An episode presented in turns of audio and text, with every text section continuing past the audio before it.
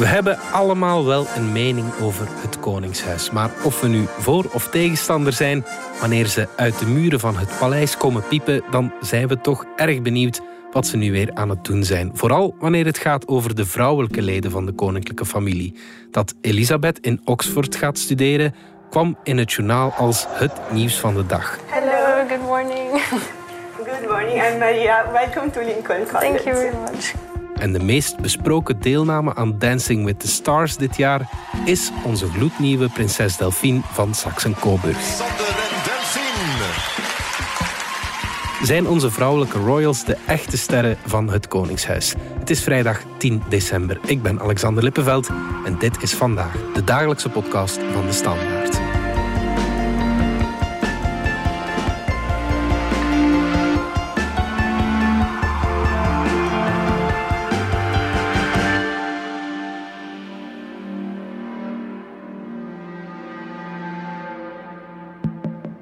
Veerle Beel van onze binnenlandredactie. Toch wel opvallend, een prinses in het Play 4-programma Dancing with the Stars. Hoe uitzonderlijk is het dat iemand van de koninklijke familie meedoet aan een entertainmentprogramma? Ja, ehm, ik moet zeggen, Delphine eh, behoort wel tot de koninklijke familie, maar ze Ja. is daar toch ook een beetje een eh, buitenbeentje. Ze is eh, een apart geval, als je zo kunt zeggen, omdat ze nog maar pas bij hoort. Dat is eh, sinds ze eh, voor de na een lange strijd in de rechtbank van tien jaar, nog iets langer, is ze eindelijk eh, erkend door haar vader, koning Albert. Ze heeft daar lang voor moeten vechten. I'm just so happy. I'm just like so full of emotions right now. I can barely, uh, barely talk. I'm very, very happy. En ehm, ze heeft een heel ander leven daarvoor geleid. Ze heeft een leven buiten het paleis. En dus voor haar kan wat voor andere leden van de koninklijke familie waarschijnlijk niet zou kunnen. Mhm. En hoe kijkt het Koningshuis naar haar deelname? Want het blijft wel redelijk stil hè, in die hoek. Ja, het Koninklijk Paleis geeft zelden commentaar over persoonlijke zaken. En eh, koning Filip heeft eh, van in het begin gezegd dat de relatie met Delphine zich binnen de persoonlijke familiale sfeer zou eh, ontwikkelen. Ja. Het is geen publieke zaak, in feite. Ehm, onze collega bij het Nieuwsblad, Wim de Hanschutter, die eh, het, eh, al het, het reilen en zeilen van het Koninklijk Paleis op de voet volgt, heeft wel van een bron binnen het paleis gehoord dat ze toch wel geschrokken waren. En misschien op het eerste gezicht niet zo opgezet met dit idee. Ja, dus ze waren niet op de hoogte. Kan ik dat dan zo interpreteren? Of? Dat zou wel eens kunnen, dat ze niet op de hoogte waren. Eh, ik, ik denk dat zo'n programma heel lang op voorhand eh, wordt eh, vastgelegd en voorbereid. Maar dat Delphine misschien een geheimhoudingsplicht had. Dat ze Ja. dat niet overal mag rondbazuinen en dat ze dat dus ook daar niet verteld heeft. Ja, oké. ja. Ze presenteert zich nu ook wel wat als het buitenbeentje van het Koningshuis. Het valt op dat in het programma dat ze vooral als kunstenares naar voren wordt geschoven en niet als prinses. Waarom, waarom denk je dat dat zo is? Ja, ze is natuurlijk de beide, maar eh, ze is eh, al 53 jaar eh, kunstenares en ze is nog maar net prinses.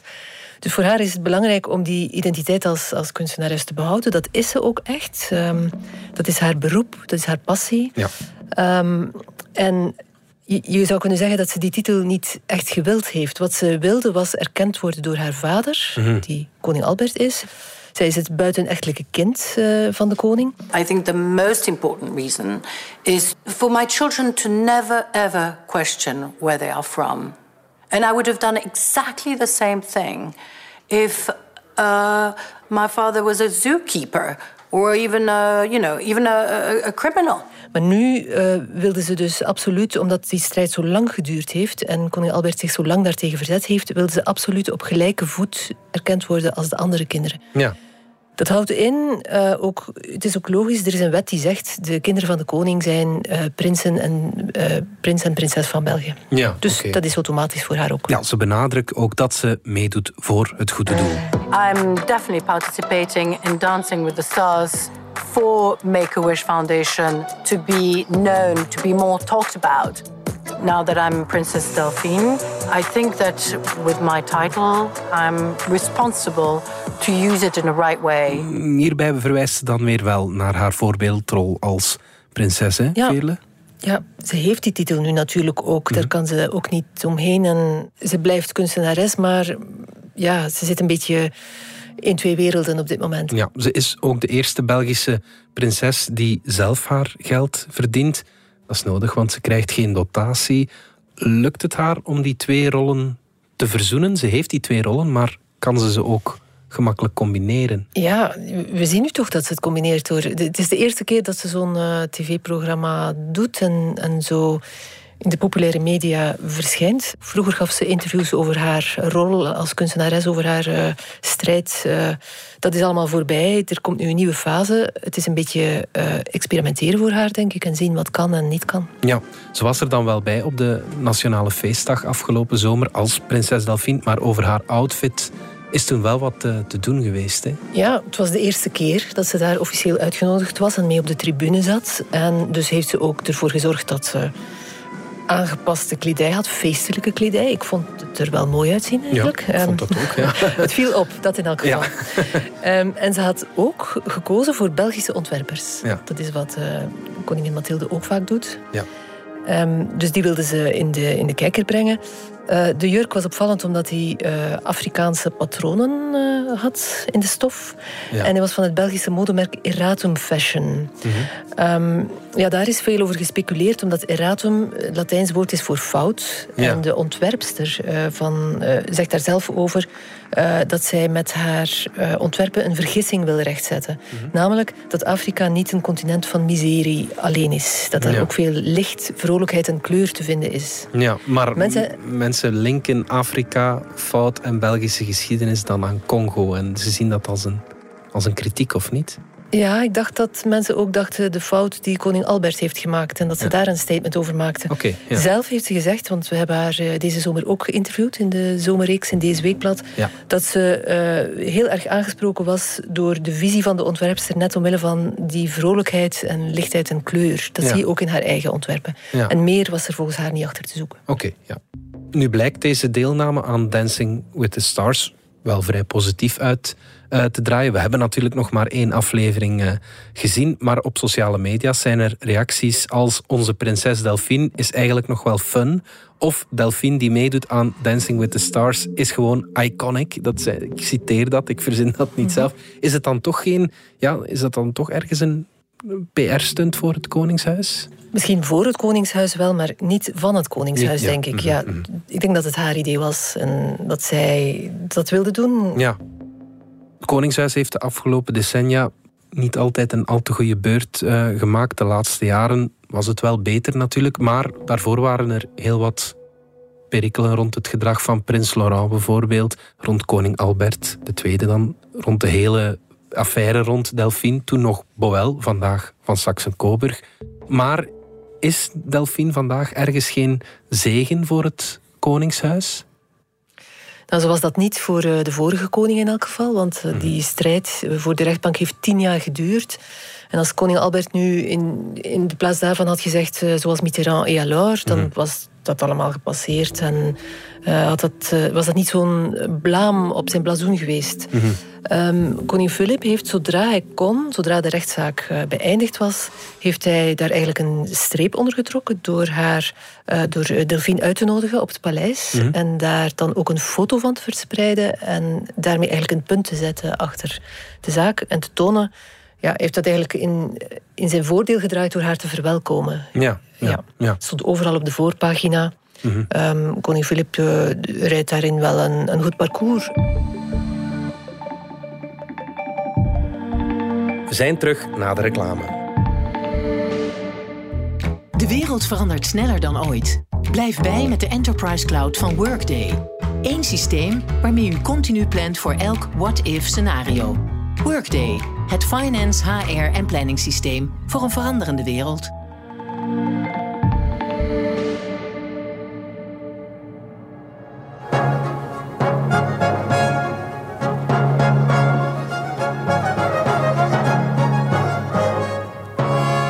De belangrijkste vrouw in het leven van koning Filip is natuurlijk zijn vrouw, koningin Mathilde. Nous voici rassemblés dans cette belle maison de Dieu, autour de Philippe et Mathilde qui vont aujourd'hui fonder leur foyer. Eh, Wat is haar invloed op de koning? Ja, die is ongetwijfeld groot. Eh, Ze zijn ook al eh, meer dan twintig jaar samen. Vorig jaar hebben ze hun huwelijksjubileum gevierd. En Mathilde uh, heeft een heel andere jeugd gehad dan Filip. Dat hmm. is ook duidelijk. Ze had een uh, gelukkige jeugd. Haar ouders waren samen. Um, het is heel anders dan, dan bij Filip. We kennen de verhalen van vroeger. Ja. We kennen hem ook als uh, een, een, iemand die een erg eenzame kindertijd heeft gehad. Mm -hmm. Er is een documentaire over hem uitgezonden, vorig jaar geloof ik, mm -hmm. waarin de kinderpsychiater Peter Adriaansens nog gezegd heeft dat uh, de jeugd die koning Filip heeft doorgemaakt. Als je dat door de bril van vandaag kijkt, hè, dan is dat emotioneel-affectieve verwaarlozing, noemen we dat. En dat is wat uh, vandaag een vorm van kindermishandeling is. Het was best een straffe uitspraak. Ja, absoluut. Zelf heeft hij ook wel over zijn jeugd verteld uh, op uh, VTM. Toen in, in, het kader van de Rode Neuzendag ah, ja. heeft hij gechat met jongeren en heeft hij ook verteld dat hij het zelf moeilijk had. Mm. En daardoor heeft hij ook begrip voor andere mensen in kwetsbare situaties. Mm -hmm. Het is duidelijk dat ze samen een warm nest willen geven aan hun kinderen. Ja. Dat ze daar ook in slagen. Hij is een echte family man. Ja. En, en, positioneert zich, toont zich ook graag op die manier. Ja, ja, ja. Dus ja, ze hebben, ze hebben veel aan elkaar, denk ik. Ik denk dat het wederzijds is. Uh, van Mathilde komt veel emotionele intelligentie die deuren opent. Uh, ja. Ze is ook heel vlot in de omgang met allerlei mensen die ze moeten ontmoeten. Mm -hmm. Haar rol was wel cruciaal in de aanvaarding in het begin van koning Filip, omdat hij toch een ander imago had. Hij, als ja. houterige jongeman. Ja. Je dois dire que la population belge, notre pays, a tellement bien accueilli ma fiancée. Ça m'a énormément rapproché aussi de, uh, du peuple belge. Ils ont accueilli ma fiancée un peu comme leur fiancée. Is koningin Mathilde vandaag nog steeds populairder dan haar man, denk je? Ik weet het niet. Ik weet niet uh, of een van beiden zoveel populairder is dan de ander. Mhm. Mm -hmm. Maar in elk geval is de koningin die heeft de functie om het hart te zijn van het koninklijke team. Ze wordt veel gefotografeerd terwijl ze voorleest aan kinderen, terwijl ze omgaat met jongeren, kwetsbare groepen bezoekt. We beleven heel speciale momenten door het coronavirus. Jullie moeten thuis blijven. Het is niet altijd makkelijk, maar ik heb een idee. Laten we een boek voorlezen. En ik heb speciaal voor jullie een boek gekozen. Ik ga dat voor jullie voorlezen. Ja, en ook is ze geboren en getogen in België. Dat is de eerste echt Belgische koningin. Ja. In die zin sprak dat uh, de keuze van koning Filip, uh, prins Filip toen nog uh, velen aan. Ja. ja. we kunnen ons misschien meer in haar herkennen. Ja, ja je hebt haar ook al geïnterviewd. Hè? Welke indruk maakt ze op zo'n momenten? Ja, ik vind haar ontzettend um, vlot en charmant en vriendelijk. Ik heb haar wel eerder vroeger een paar keer de hand geschud en uh, kort iets tegen gezegd. Maar tijdens de coronaperiode in november 2020 Mhm. heeft ze een online interview gegeven aan enkele journalisten. Ah, ja. Voor het Koninklijk Paleis heeft toen eigenlijk de virtuele kanalen ontdekt en heeft op die manier veel meer mensen gesproken dan voorheen. Mhm. En ook dus journalisten, dat was wel fijn. Zij antwoordt vlot op alle vragen, uh, ook als het gaat over de kinderen, uh, Mhm. hoe de kinderen het maakten in corona. Ze vertelt ook hoe druk zij het dan hebben. Mhm. Maar het ging uiteraard ook over het uh, Koningin Mathilde Fonds, dat twintig jaar bestond vorig jaar. Dat is opgericht toen zij getrouwd is met de koning. En ja, dat fonds is altijd gericht op uh, opvoeding, jonge gezinnen, armoede. Maar de laatste jaren vooral uh, richt het zich tot jongeren. Mhm. En ze betrekt daar ook jongeren bij. Ja. Dus het is een fonds van jongeren voor jongeren. Ja. En de jongste jaren uh, mikken ze op uh, projecten die uh, creatief en muzikaal zijn. Ja. Ze houdt erg veel van muziek. Ja. Ze vindt het ook belangrijk. Ze zegt dat muziek belangrijk is voor de ontwikkeling van kinderen. Mhm. Dat we dat niet mogen onderschatten. Waarom is muziek zo belangrijk voor jou? Um, door mijn autisme heb ik soms um, heel veel stress en zo. En dan kan ik slecht met dingen omgaan. Bijvoorbeeld, stel voor een, een vlieg helemaal in dat hoekje van het plafond. En dan kan ik soms ineens eh, continu op gefixeerd zijn. En, of een klein streepje op mijn broek hier zo voor. Eh, ik kan helemaal afgeleid worden. En daardoor kan ik cello ook spelen. En dan uh, word ik helemaal ontspannen. Je hebt dit gevoel dat cello echt rust uh, brengt voor jou. Eigenlijk ook wel, ja. Fantastisch. En in het interview heeft ze ook verteld dat al haar kinderen muziek spelen en de koning speelt piano. Ah ja, muziek okay. verbindt gezinnen en verbindt mensen met elkaar. Ja, oké. Okay, ja, ja. De laatste jaren lijkt het koning, koningshuis wat uh, willen moderniseren. Is dat de hand van de koningin of is dat eigenlijk al de hand of de invloed van onze kroonprinses Elisabeth? Ik denk dat je de rol van koning Filip niet mag onderschatten. Ik denk mhm. dat hij dat ook wil. Ja. Ehm, het is toch, uh, hij heeft zich omringd met goede mensen. En, ja, ik denk dat het een gezamenlijk uh, punt is. Uh, misschien dat de kinderen ook wel de ouders inspireren om jonger en moderner te zijn. Mm -hmm. Paleis communiceert meer. Um, ze zitten op sociale media, niet persoonlijk zoals in Nederland, maar wel met mediakanalen die vanuit het paleis aangestuurd worden. Mm -hmm. Soms zien we dingen die achter de schermen gebeuren. Bijvoorbeeld een video waarin de koning aan Elisabeth toont hoe hij zijn nieuwjaarspeech voorbereidt. Mm -hmm. Dus ja, het is allemaal wel jonger en moderner, zeker. Mm, ja, ja, ja. Um, er is nog een derde vrouwelijke royal die heel vaak in de picture loopt, kroonprinses Elisabeth. Ik besef dat ik nog veel te leren heb. Daar zal ik me de volgende jaren ook op toeleggen. Proberen de wereld beter te begrijpen en ertoe bijdragen hem te verbeteren. Door van mezelf het beste te geven. Het land kan op mij rekenen. Ze wordt momenteel klaargestoomd als koningin natuurlijk. Welk beeld krijgen we van haar te zien? Ja, ik vind dat ze het uh, tot nog toe heel goed en ik zou zeggen bijna keurig doet. Uh, mm -hmm. we, kunnen, we hebben haar, van haar nog geen enkel foutje gezien of uh, ja, geen wilde feestjes zoals van sommige prinsessen uit Nederland ja. waar foto's opduiken. Mm -hmm. ik, ik weet niet of ze beter afgeschermd wordt of dat ze gewoon rustiger van karakter is en zich meer de lijnen volgt die uitgezet worden. Um, eigenlijk is ze door, de ouders, door haar ouders wel wat afgeschermd van de media. Dat gebeurt nog. Maar toch is, hebben we haar al gezien op jonge leeftijd. Omdat bijvoorbeeld in het UZ Gent is een uh, afdeling, de kinderafdeling, naar haar genoemd. -hmm. Dan uh, is ze mee op bezoek geweest en hebben we haar op jonge leeftijd al een speech horen geven. -hmm. Um, ze heeft ook een speech gegeven naar aanleiding van de herdenking van de Eerste Wereldoorlog. 100 jaar, denk ik, toen. Toen was ze nog geen 15 jaar. Ja. Het was indrukwekkend toen ze daar in drie talen een speech gaf, die ze zelf geschreven had. À nous les jeunes de lever haut notre flambeau et de former comme aujourd'hui un front de lumière. Es ist an uns Jugendlichen, unsere Fackel hochzuhalten und so wie heute eine Lichterfront zu bilden. Het komt ons jongeren toe om onze fakkel hoog te houden en om zoals vandaag een lichtfront te vormen. Ze is in het leger geweest. En dat hebben we ook, geen... allemaal ja, gezien, ja, ja. natuurlijk. Ja. ja het is uh, leuk hoe, dan gezegd wordt, uh, hoe ze dan aangesproken wordt met Van België. Ja. Wacht even, uh, Van België. Wachten, links, rechts. En nu studeert ze dus in Engeland, wat waarschijnlijk toch wel een interessante keuze is, omdat het paleis dan niet moet kiezen tussen Vlaanderen of uh, Wallonië, Franstalig, Nederlandstalig. Ja. En ondertussen ziet ze ook meer van de wereld en zit de pers haar niet zo op de voeten, denk ik. Ja, ja, ja de hielen. Ja, We zijn zeer gelukkige ouders.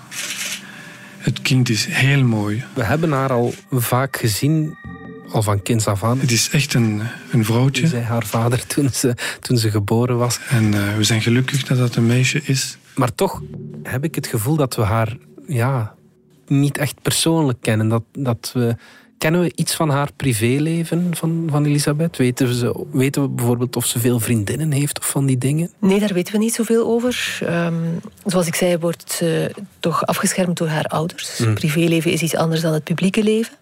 Maar er is wel een documentaire over haar gemaakt toen ze twintig werd. Mm Portret van onze toekomstige koningin. Mm -hmm. Daarin hoorden we haar oude pianolerares en haar balletjuf vertellen over haar. Het was ook merkwaardig om te zien hoe Elisabeth eigenlijk heel makkelijk met iedereen omkwam.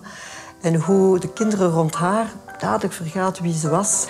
En het was ook merkwaardig de manier op, waarop ze eigenlijk heel makkelijk van haar uh, leven als jong meisje uh, met andere kinderen heel natuurlijk kon spelen. En dan de andere dag zag je ze dus in de officiële tribune.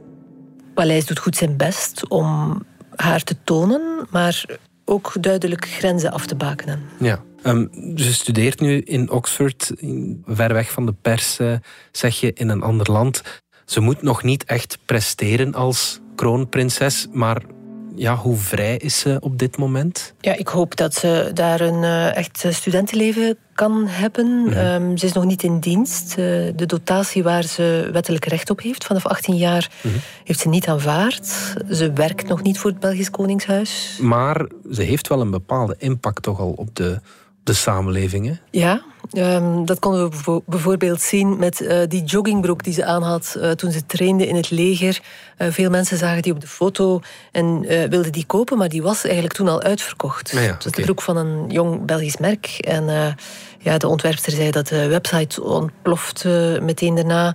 Uh, ze hebben toen wel nog wat andere producten verkocht, maar die broek was niet meer te krijgen. Nu denk ik niet dat uh, prinses Elisabeth dat expres doet. Ik ze is geen Instagrammer die aan productplacing doet. Maar ja, dit komt nu eenmaal met haar status die ze toch onvermijdelijk heeft. Ja, ja, ja, ze wordt nu wel vaak gezien als het geheime wapen van het Koningshuis. Hè. Is zij de grote redder van de monarchie? Is zij de reden waarom de monarchie over 50 jaar misschien nog altijd bestaat? Ja, dat uh, moeten we afwachten. Uh, ze, ze, is, uh, ze is jong, ze is hip, ze is charmant. Uh, mensen kijken naar haar en, en, jongeren willen zoals haar gekleed gaan, zoals met die broek. Ja. Maar al de rest is eigenlijk nog af te wachten.